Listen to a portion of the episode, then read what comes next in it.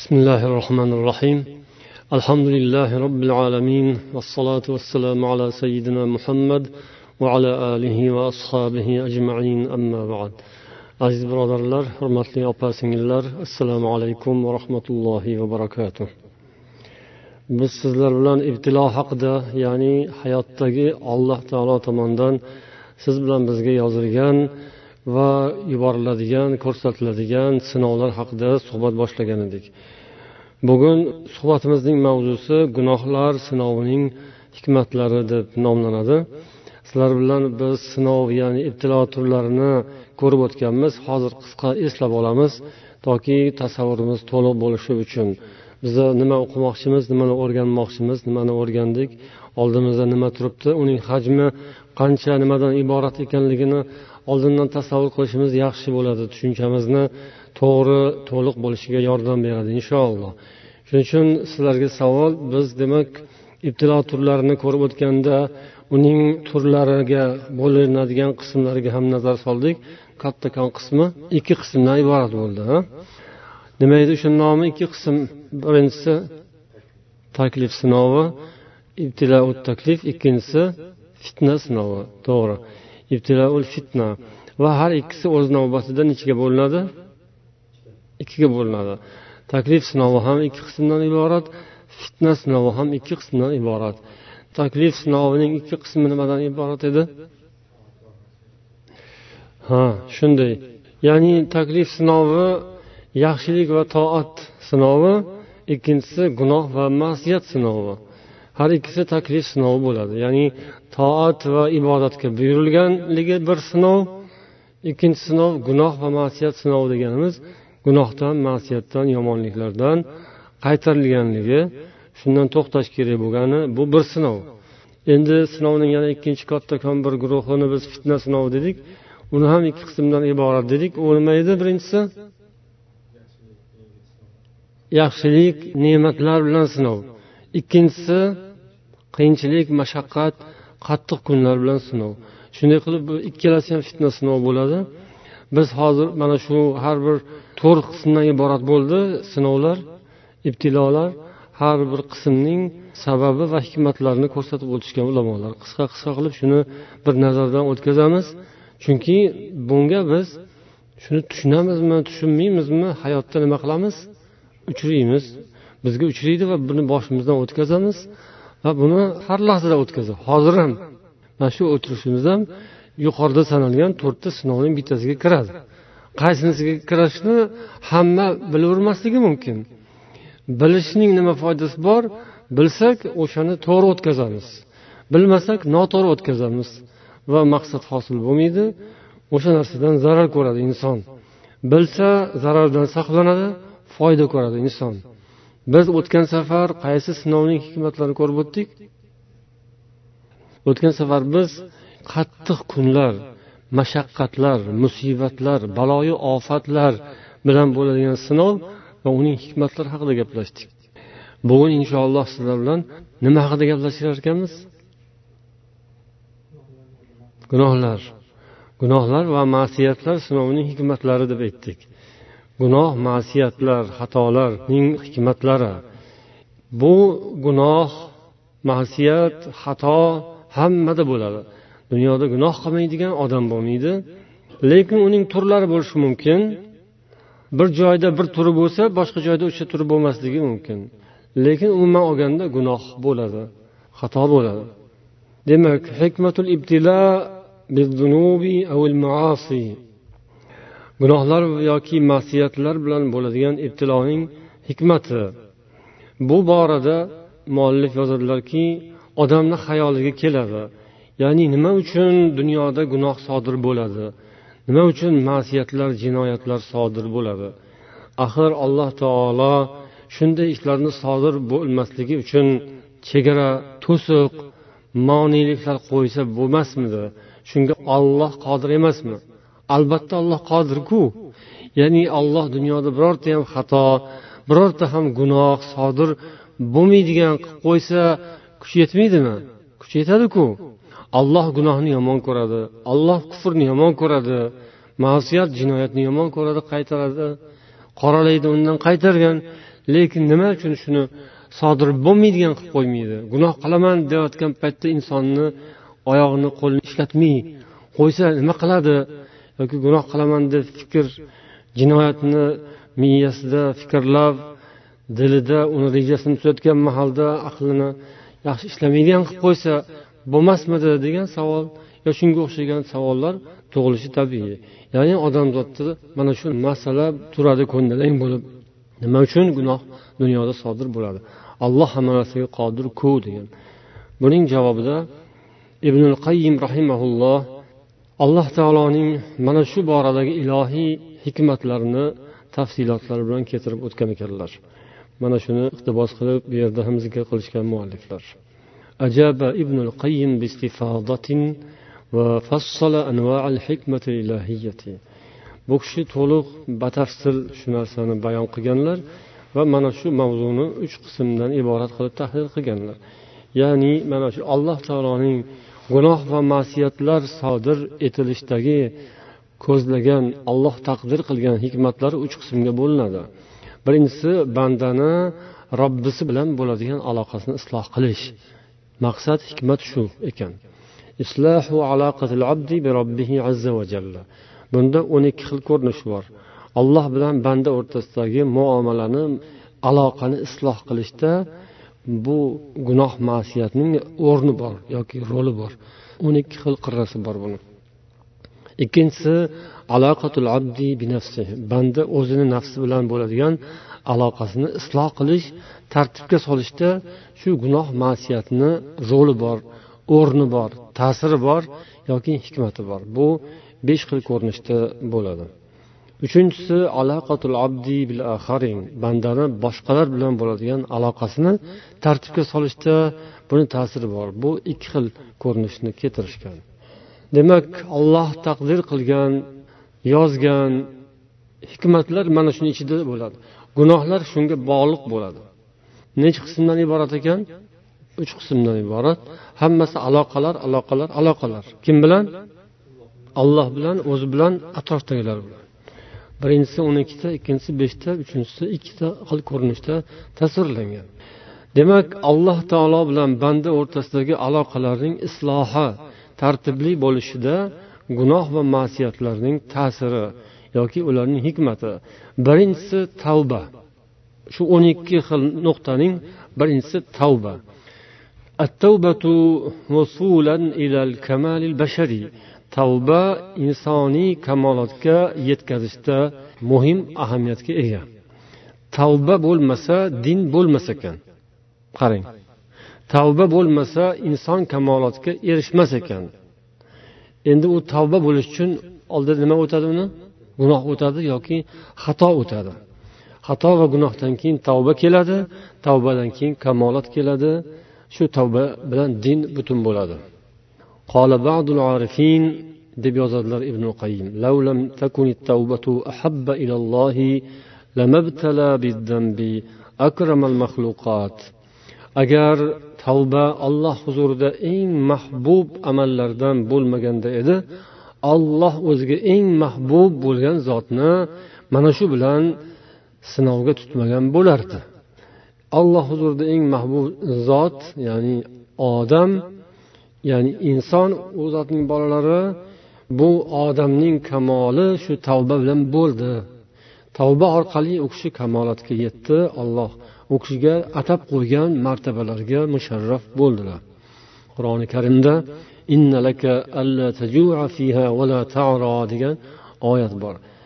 Siz u yerda och ham qolmaysiz yalang'och ham qolmaysiz. Ya'ni hamma sharoitlaringiz yetarli bo'ladi deb ta'riflagan qaysi oyat va bu qayerni nazarda tutilyapti kim aytadi? Qaysi suradagi oyat?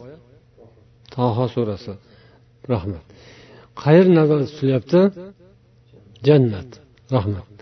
Jannatda alloh taolo odam otamiz bilan havo onamizni o'sha yerga yaratdi o'sha yerda sayr qildirib qo'ydi. Va u yerda hamma narsa tap tayyor edi. U yerda yemoq ichmog'i sayr qilmoq edi. Faqat rohatu farog'at edi. Yana shu surada keladiki keyin robbisi uni ixtiyor etdi tanlab oldi uning tavbasini qabul etdi va hidoyatga boshladi degan. Mana shu ikki oyatni keltirib ibn qayim aytgan ekanlarki birinchisi bu halu aklin va shulbin va tamattu. Bu yeb ichish tamattu qilish foydalanish rohat farog'at holati edi. Ikkinchisi esa halujtiba va hidoya. Tanlash alohida qilib ajratib olish hidoyatga boshlash. Bu bilan avvalgisining o'rtasida qancha farq bor? Ya'ni avvalgisidan buning farqi shuki ikkinchisida kamolot ikkinchisida alohida bir boshqa darajaga ko'tarilish bor edi. Insonning kamoloti mana shunday qilib amalga oshadi. Ya'ni bu dunyoda tavbai nasuh qilib olloh huzuriga qaytish bu oxiratda do'zaxdan najot topish bo'ladi. Mana bu dunyodagi kamoloti oxirat kamolotiga sabab bo'ladi uni najotiga erishtiradi. Yana u kishi yozadilarki islom tavba islom dinining haqiqatidir. Dinning mohiyati mana shundadir. Va dini kulluhu daxilun fi musammat tavba. Dinning hammasi tavba ichiga kiradi. Mana shu tavba tufayli inson ollohning habibiga aylanadi ya'ni yaqin yaxshi ko'rgan do'stiga aylanadi. Tavba degan so'zning lug'aviy ma'nosi nima? Qaytish. Ar ruju qaytish degani. Mana shu qanday qilib bog'lanadi? Qarang. Hiya rujuu amma yakrahuhullohu zohiran va botinan ila ma yuhibbuhu zohiran va botina. Tavba degani olloh yomon ko'radigan narsadan zohiru botiniy ravishda olloh yaxshi ko'radigan narsaga zohiran botinan qaytish bo'ladi. Ya'ni qaytganda rostdan qaytish zohirdan ham botindan ham qaytish kerak. Va nimadan qaytish? Yomon ko'rgan narsadan olloh yaxshi ko'rgan narsaga qaytish. Inson o'zi nafsi yaxshi ko'radigan ya'ni nafsi ammorasi yaxshi ko'radigan shayton yaxshi ko'radigan kofirlar yaxshi ko'radigan fosiqlar yaxshi ko'radigan narsadan qaytib nafsi mutmainnaga yoqadigan allohga mahbub payg'ambar yoqtiradigan mo'minlar iymonli insonlar yoqtiradigan narsaga qaytiladi.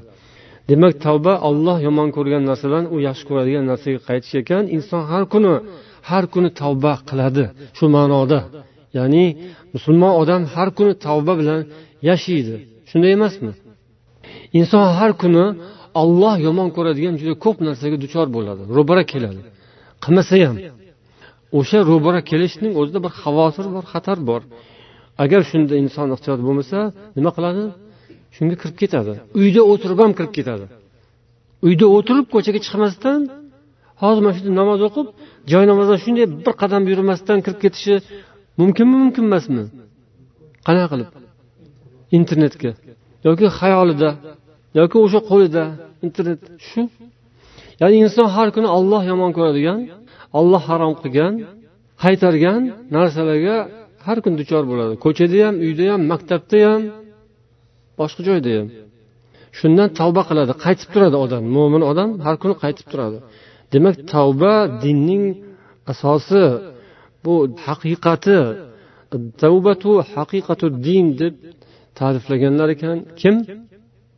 Ibn qayyim rahimaulloh dinning haqiqati shu. Har kuni siz tavba qilmasangiz demak mo'min bo'lmaysiz. Demak siz har kuni chegaraga ro'bara kelasiz duch kelasiz shundan qaytib turishingiz kerak. Qaytib qayerga qaytasiz? Olloh yaxshi ko'rganga. O'sha gunohni qilmasangiz o'sha yomon narsadan o'zingiz tiysangiz olloh yaxshi ko'radi sizni. Olloh yaxshi ko'rgan narsa ishni qilgan bo'lasiz. Tavba. Demak o'sha gunoh shu gunohni olloh yaratgan ya'ni uni asboblarini yaratib qo'ygan insonni shunga qodir ham qilib qo'ygan. Lekin odam shundan qaytsa gunohning demak insonga inson hayotidagi uning dinini kamolotini amalga oshishiga sababi mana bu yerda ko'rinyapti.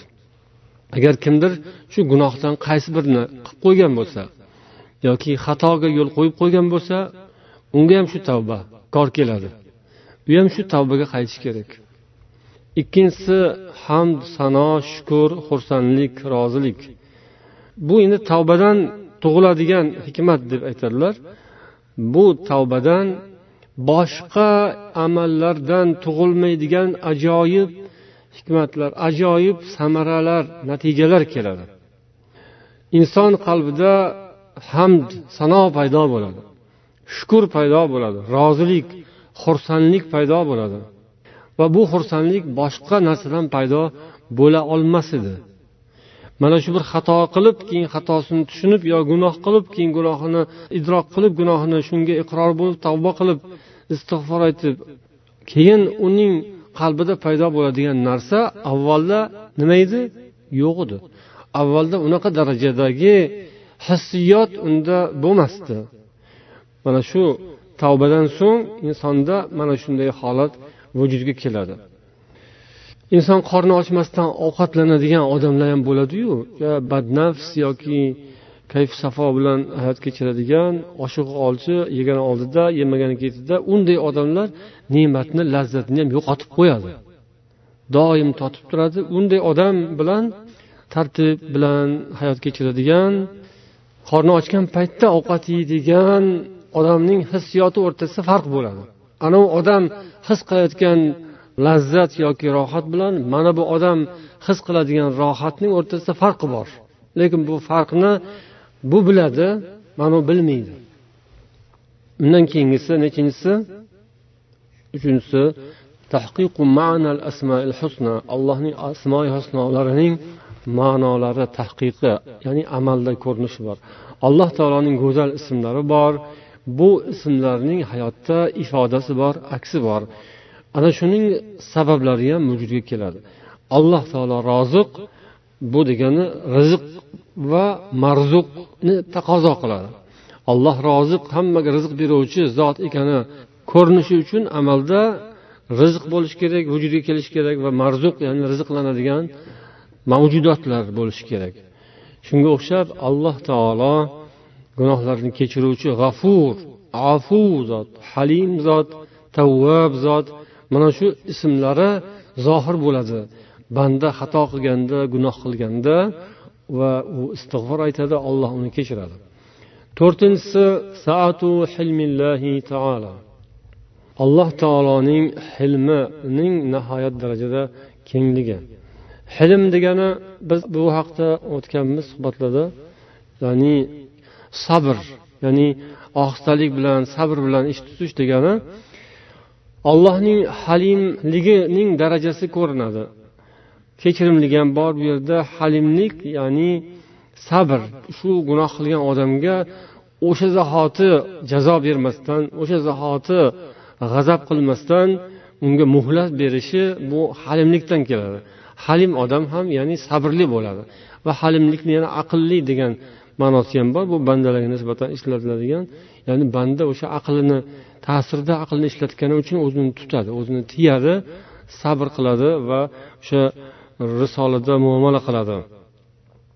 Halimlik sifati alloh taoloni mavjudki bu olam turadi hayot davom etadi. Agar allohning halimlik sifati bo'lmasa dunyoda qilinayotgan jinoyatlar va gunohlar billah tufayli dunyo allaqachon halokatga uchrab yo'q bo'lib ketardi. Yeru osmon buzilib yo'q bo'lib ketardi. Agar olloh halim bo'lmasa olloh halim ekan bu narsalarga muhlat beradi va unga sabr bilan muomala qiladi tavba qilganlarni kechiradi tavba qilishlari uchun ularga fursat beradi. Mana shu tavbaga insonlar muvaffaq bo'ladi allohning halimlik sifati bilan. Va bu narsa boshqalarga ham ibrat bo'ladi. Alloh taolo bandalariga nisbatan ularni gunohlariga nisbatan halimlik bilan muomala qilar ekan. Bu biz sizlar uchun ham ibrat va dars. Boshqalar ham shundan namuna olishlari kerak. Ular ham bir narsani xatoni ko'rganda uni halimlik bilan tuzatishga harakat qilishlari kerak.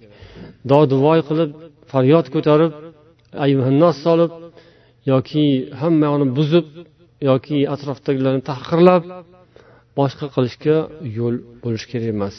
Inson ollohning sifatlaridan o'ziga ibrat olish kerak. Beshinchisi istig'for istig'for bu yerda gunohlar uchun mag'firat so'rash allohdan kechirim so'rash olloh kechirishi uchun inson istig'for aytishi kerak va shu istig'for insonni o'ziga ham boshqalarga ham. Istig'for inson xato qilganda o'zi istig'for aytadi va boshqa xato qilgan birodarlarini gunoh qilganlarni ko'rganda ularni haqqiga ham istig'for aytadi.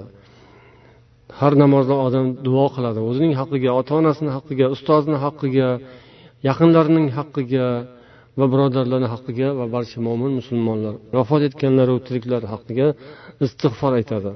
Bu ham shu xato va gunohlardan keyin keladi. Bu ham insonning iymonini mukammallashtiradi. Va xato gunohlardan so'ng qanday yo'l tutish kerak ekanligini ko'rsatadi. Oltinchisi ehson val bir va ifdol.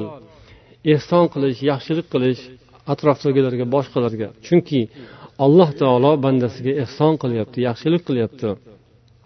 Marhamatlarini to'sib qo'ymayapti. Zolimlarga ham olloh ehson qilyapti. Kofirlarga ham gunohkorlarga ham alloh taoloning mag'firati allohning marhamati egalariga yetyapti. Ya'ni ba'zi odamlarga allohning mag'firati ba'zi odamlarga allohning marhamati ba'zilarga allohning ehsoni yog'ilib turibdi yetib turibdi. Bundan ham inson ibrat olish kerak bo'lar ekan. Allohning shunday ehsoniga erishish va o'zi ham boshqalarga ehson qilish o'zidan boshqalarga ham yaxshi munosabatda bo'lishga targ'ib bo'ladi. Odam o'zi gunoh qilib ba'zi odam gunohiga tavba qilgandan keyin yoki xato qilib xatosini tuzatgan odam xuddi shu xatoni yo shu gunohni qilgan boshqa odamni ko'rganda o'sha narsadan ba'zilar nafratlanadi. Ya'ni ba'zilar o'zini tuta olmaydi chegarani bilmaydi. O'zi aynan o'sha ishni qilgan o'zi ham bir paytlar. O'sha gunohni qilgan hozir endi qilmayapti. O'sha xatoni bir qilib o'tgan endi hozir o'zini tuzatib olgan bilib olgan. Endi shu xatoni qilgan odamni ko'rganda judayam yomon bo'lib qoladi yomon qilib tashlaydi haligini unga juda nafratlarni yog'dirib yuboradi la'natlarni yog'dirib yuboradi va hokazo uni hatto kofirga chiqarib qo'yadi dindan chiqarib tashlaydi. Bu narsa o'zini o'zi halok qilish va o'zini o'zi rasvo qilishga sabab bo'lishi mumkin. Alloh asrasin mana shu gunoh va unga tavba qilish istig'for etish allohni gunohkorlarga nisbatan yoki odamzodga nisbatan ehsonini ko'rish odamni o'ziga ibrat bo'lishi kerak va o'zi xato qilgan gunoh qilgan odam o'sha xatoni kimdir qilganini ko'rganda o'zini eslashi va xuddi o'ziga qilayotgan muomaladek muomala qilish kerak. O'ziga qanday muomala qilinishini xohlardi ya'ni muloyimlik bilan yumshoqlik bilan samimiylik bilan fursat bilan unga nasihat va hokazo xuddi o'shandayni boshqalar ham qiladi. Yoki ba'zi odam o'zi unaqa gunohlarni qilmagan taqvodor lekin taqvosi chegaradan ortiq bo'lishi mumkin. Uni otini nima deyiladi islomda? G'ulu deyiladi. Dinda chuqur ketish deyiladi. O'sha g'ulu ba'zi odamda bor. Balki hammada ham bo'ladi. Ya'ni bir ko'rinishi bo'ladi. Birovda bu ko'rinishi yo'q boshqacha ko'rinishi bor. U ham g'ulu bu ham g'ulu. Birov masalan haqiqatdan hech gunoh qilmay yaxshi o'zini tutib yuradi boshqa odamni gunoh qilganini ko'rganda o'zini tutolmaydi boshqa odamni xatosini ko'rganda sabr qilolmaydi bu ham nima? Bu ham g'uluvning bir ko'rinishi. Ya'ni chuqur ketib qolishning bir ko'rinishi. Ha xayr o'zingni olloh saqlagan ekan. Yo san o'zingni o'zing saqlading. Anavini kim saqlamayapti? Olloh saqlamayapti uni. Uni olloh gunoh qiladigan qilib qo'yibdi. Olloh uni xato qiladigan qilib xatolarga kirgizib yuboribdi. Sani saqlabdi. Hop buning uchun unga albatta achchiq qilish kerak bo'lar va hokazo lekin chegarasi bor. Shu chegarani bilish kerak bo'ladi. Agar kimki shu narsani chegarasini bilmasa bu odam o'sha istig'forning mohiyatini tushunmagan odam bo'ladi hidoyatning mohiyatini tushunmagan odam bo'ladi. O'zi hidoyatdaman deb hidoyatda bo'lmayotgan odam bo'lishi mumkin agar shu chegarani bilmasa. Yo esa ba'zi odam o'zi gunoh qiladi o'zi xato qiladi o'zinikini kechirib ketaveradi. O'zining xato va gunohlarini gapirilishini aslo istamaydi. Boshqanikini gapirishni yaxshi ko'radi boshqanikini ko'rganda hech ham to'xtamaydi. Tez judayam tez ishga tushib ketadi. Tili ham qo'yib bersa qo'li ham oyog'i ham. Bu ham istig'for mohiyatiga xilof. Bu ham islom mohiyatiga xilof ish qilayotgan bo'ladi. Ehson yaxshilik o'rnida davom etish kerak. Undan keyingisi nechinchisi bo'ldi? Yettinchisi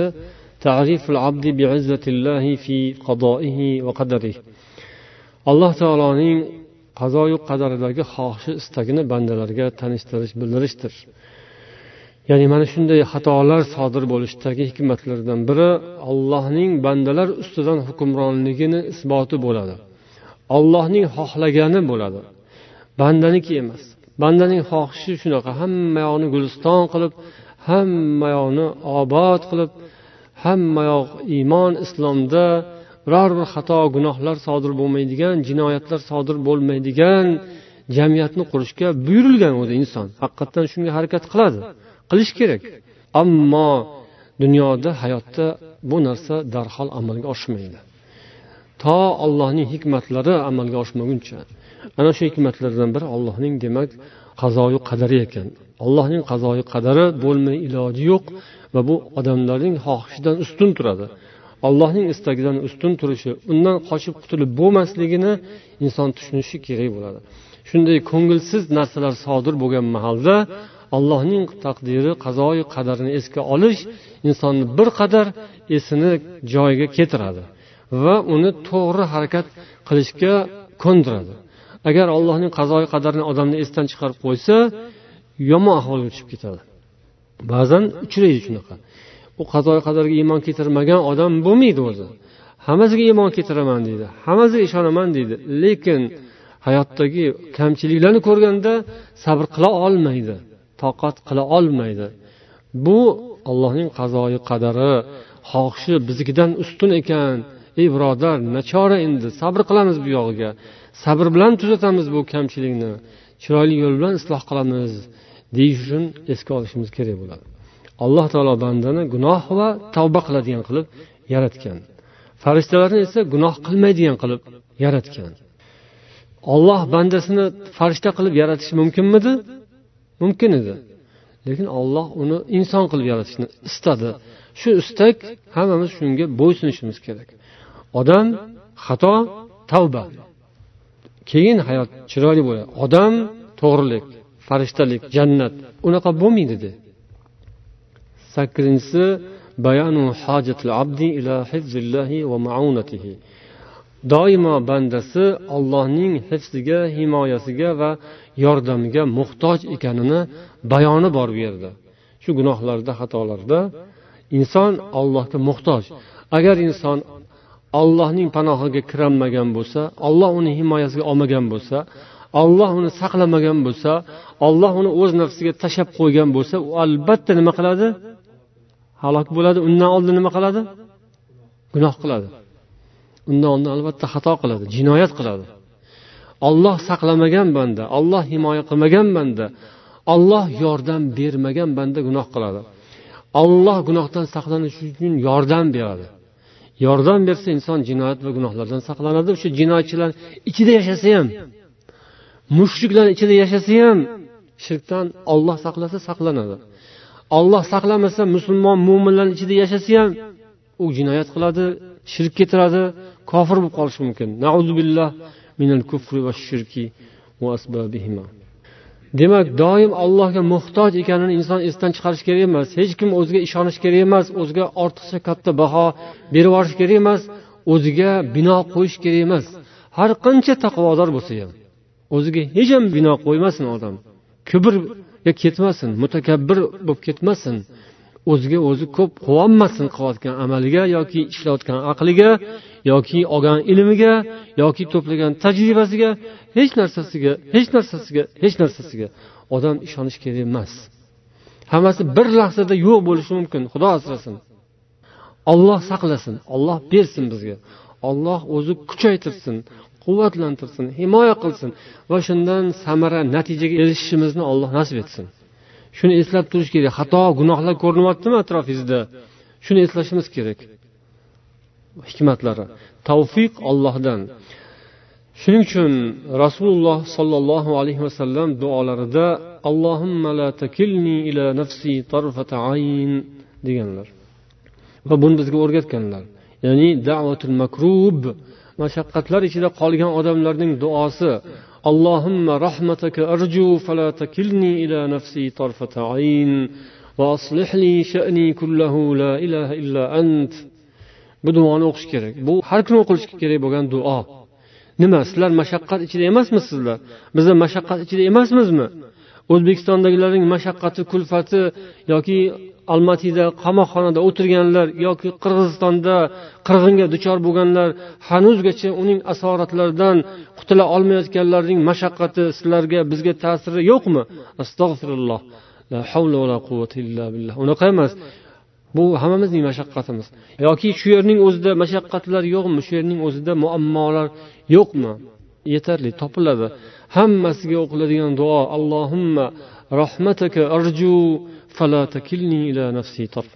ey ollohim sening rahmatingdan umid qilaman meni nafsimga bir lahza ham topshirib qo'ymagin o'zimni o'zimga. Insonni o'ziga o'zi xudo topshirib qo'ysa nafsiga topshirib qo'ysa tamom bo'ladi. U adoyi tamom bo'ladi halok bo'ladi. O'sha halok bo'layotganlar gunoh qilayotganlar boshqalar nafsiga topshirib qo'yilgan holatda gunoh qilgan bo'ladi. Taqvodorlar ham ilmlilar ham olimlar ham yoki boshqalar ham hamma hamma gunoh qilgan paytda xato qilgan paytda nafsiga topshirilgan bo'ladi. O'sha bir necha lahzaga topshirib qo'yiladi. Doim ko'proq ollohning himoyasida bo'lib allohning ya'ni taqdiri bilan hikmati bilan bir necha lahzaga nafsiga shunday berib qo'yilgan paytda o'shanda qilib qoladi. U nafs ham poylab turadi. O'ziga yo'l ochilishini. Yo'l ochildi bir tirqish ochildi deganda shunday oladida o'shanday qildiradida murodiga yetgan bo'ladi o'sha onda. Siz bilan biz hammamizda bor bu narsa birodarlar. Keyin biza xato kamchiliklar gunohlar haqida gapirganda aytdikku gunohlarni ham geografiyasi bor. O'zi meditsina geografiyasi degan bir bo'lim ham borku meditsinada ya'ni kasalliklarni ham jug'rofiyasi bor. Unimde ular doktorlar olimlar o'zi taqsimlab chiqadi. Mintaqalarga bo'lib chiqadi. Ya'ni bir kasallik mana bu mintaqada bo'lmaydi o'zi. Mana bu mintaqada ko'p bo'ladi. O'shanga o'xshagan gunohlarni ham mintaqasi bo'ladi. Gunohlarni ham jug'rofiyasi bo'ladi.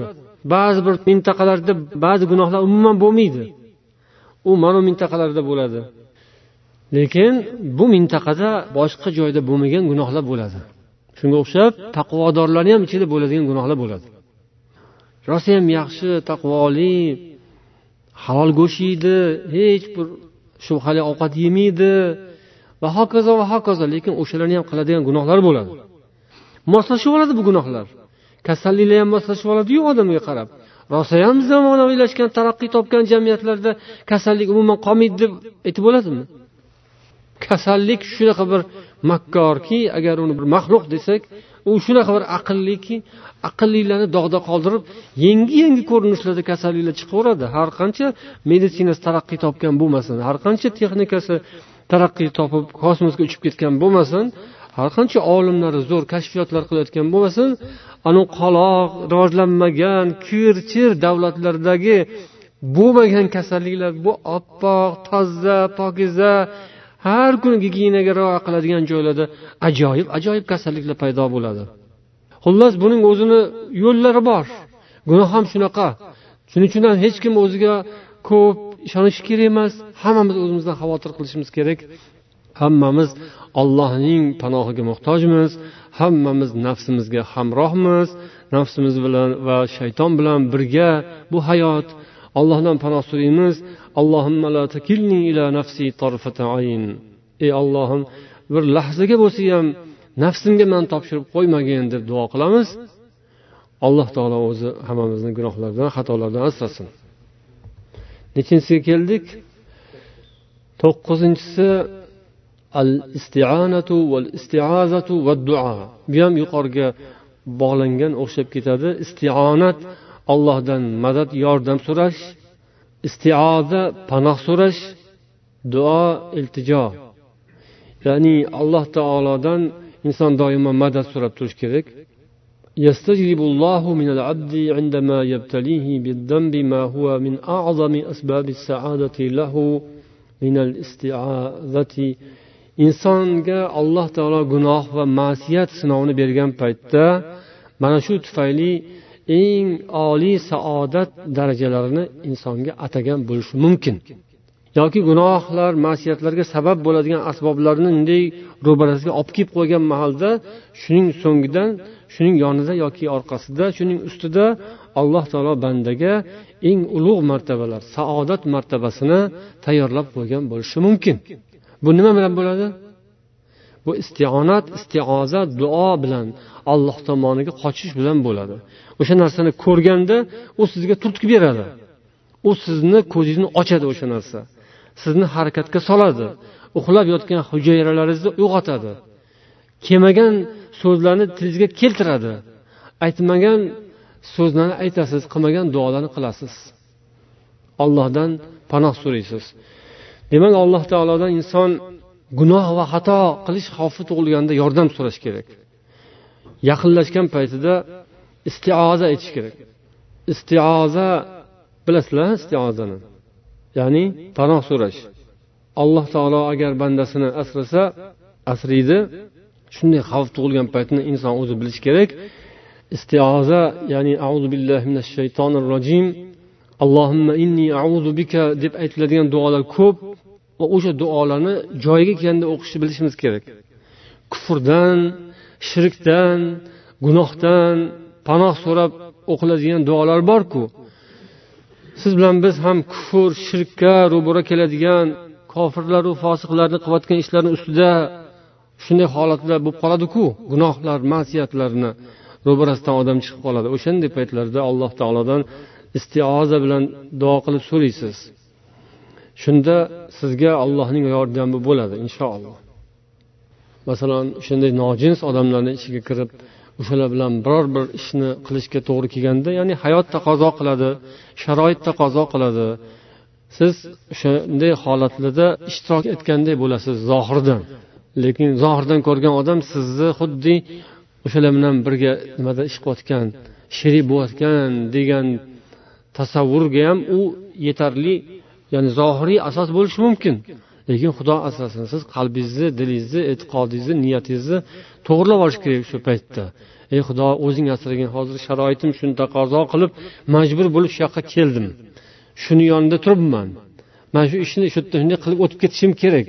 Lekin xuddi shunday turgan holingizni birov suratga olib qo'ysam o'shani. Birov shunday bir rasmga olib bir narsa qilsami juda xunuk chiqadi o'sha. Bu yoqqa bunday olib ko'rganda unga boshqacha ma'no bersa bo'ladi. Lekin u holat o'zi aslida o'shanaqa emas zohirdan o'shanaqa. O'shanday paytlarda nima qilish kerak demak? Istioza aytish kerak. Ey xudo o'zing qutqargin mani o'zing panoh bergin bu ko'rinishi xunuk gunohga o'xshagan ishdan. O'zing asragin deb istioza aytib allohga bog'lanib turish kerak. Ollohni esdan chiqarmaslik kerak o'sha paytda. Bandasi esdan chiqarsa beparvo bo'lsa ha hech narsa qilmaydiku man majburmanku hozir deb unda dilidan ham shunga rozi bo'lib qolgan bo'ladiku. Undan battar bo'lishi mumkin keyin. Olloh asrasin. Majburlikdan ham tezroq qutulishga harakat qilish kerak odam.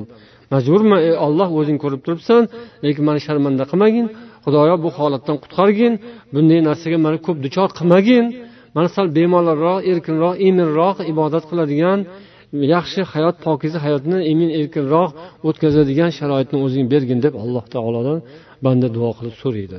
Mana bu ya'ni xato gunoh va masiyatni bandaning kamolotiga ta'siri ya'ni qanday bo'lishi kerak? Buni biz qanday tushunishimiz kerak?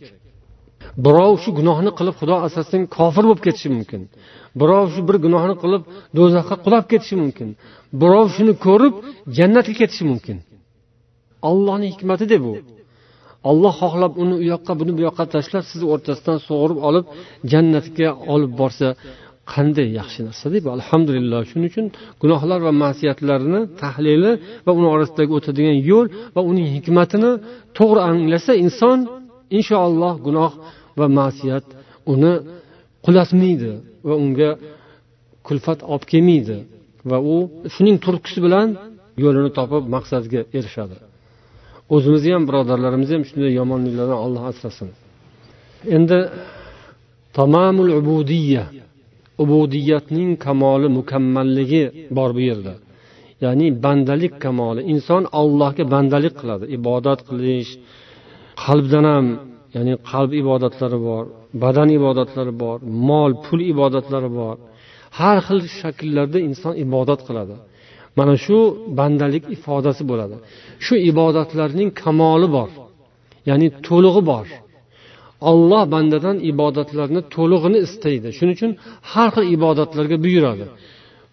Ehson qilishga ham buyurgan namoz o'qishga buyuradi odamlar ko'radigan ibodatga buyuradi.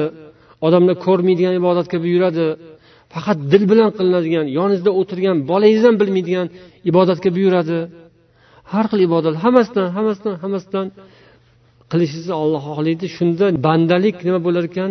Butun bo'lar ekan. Bandalik butun bo'lsa iymon butun bo'lib alloh huzurida kamolot bo'ladi. O'sha odam komil insonga aylanadi inshaalloh mana shu gunoh va masiyatlarda bandalikning mukammalligi vujudga keladi shularni ortidan ya'ni inson biror bir xato qilib qo'ygan bo'lsa gunoh qilib qo'ygan bo'lsa uning bandaligi ziyoda bo'ladi keyin.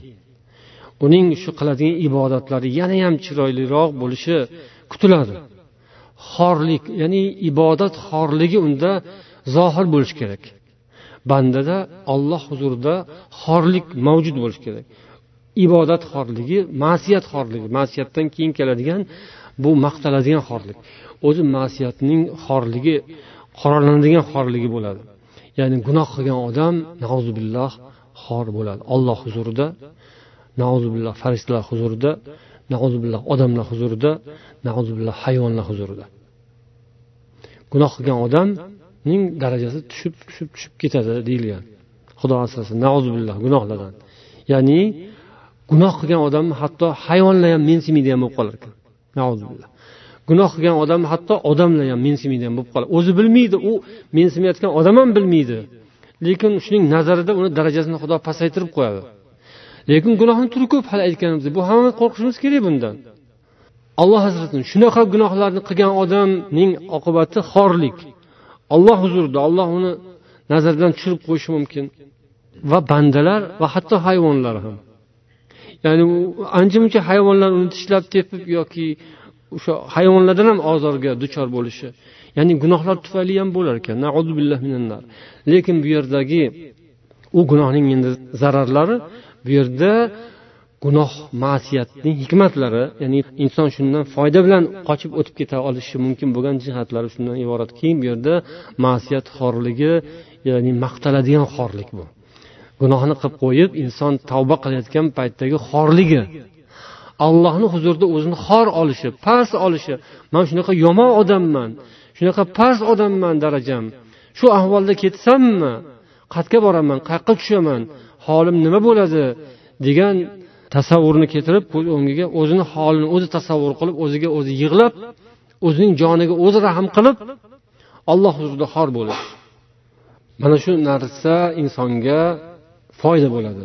Bu mana shu gunohxorligidan keladigan inson uchun allohning hikmati. Akmalul xalqi ubudiyatan akmaluhum zullan lillahi va qiyadan va ta'atan alloh huzurida mavjudotlar odamlarning eng hurmatlisi kim deyilsa odamlarning olloh huzurida eng xor tura oladigani o'zini eng ko'p xor tuta oladigani ibodat bilan taslim bilan bo'ysunish bilan. Ey olloh ham buyurgan ekansan nafsimga yoqmasa ham bo'ysundim. Nafsiga yoqmaydi lekin olloh buyurgan bo'ysundim. O'zini past ol. Shu odamni shunday holati odamlarga ham ko'rinadi ya'ni birodarlarga musulmonlarga ham. Ya'ni o'sha musulmonlar ichida bo'ladigan gunohlar deganimizda shu narsalar bor. Musulmonlar bir biriga qiladigan xunu muomalalari bor. Bir biriga chidamasliklari bor. Bir biriga o'sh qurishlari bor. Bir biriga kibrliklari bor. Bir biriga manmansirashlari bor. Billah olloh huzurida xor bo'lgan odam ya'ni xato qilib gunoh qilib ibodat bilan o'zini xor tutgan odamni olloh yaxshi ko'radi. Va insonni bu boshqa holatlari ham inshaalloh tuzaladi.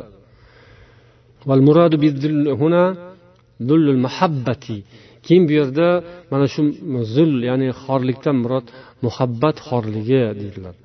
الذي يستخرج من قلب المحب أنواعا من التقرب والتودد والإيثار u muhabbat xorligi shunaqa bo'ladiki muhib ya'ni yaxshi ko'ruvchining qalbidan shunday bir ajoyib anvo turli xil ko'rinishdagi ibodatlar muomalalarni chiqaradi bu boshqacha yo'l bilan chiqmas edi mana shu yo'l bilan chiqadi Insonni qalbida bekingan olloh joylab qo'ygan narsalar zohir bo'lishi meva berishi gullashi yashnashi o'zini foydasini shu dunyoda ham oxiratda ham berishi mumkin. Bu muhabbat xorligi ya'ni alloh taoloni yaxshi ko'rib allohning hikmatlarini allohning dinini olloh ko'rsatgan yo'lni u chiqargan qonun qoidalarini ko'rib tushunib iqror bo'lib ollohni yaxshi ko'rgandan keyin qiladigan ibodatlari amallari harakatlari u yaxshi ko'rgandan qilinadi.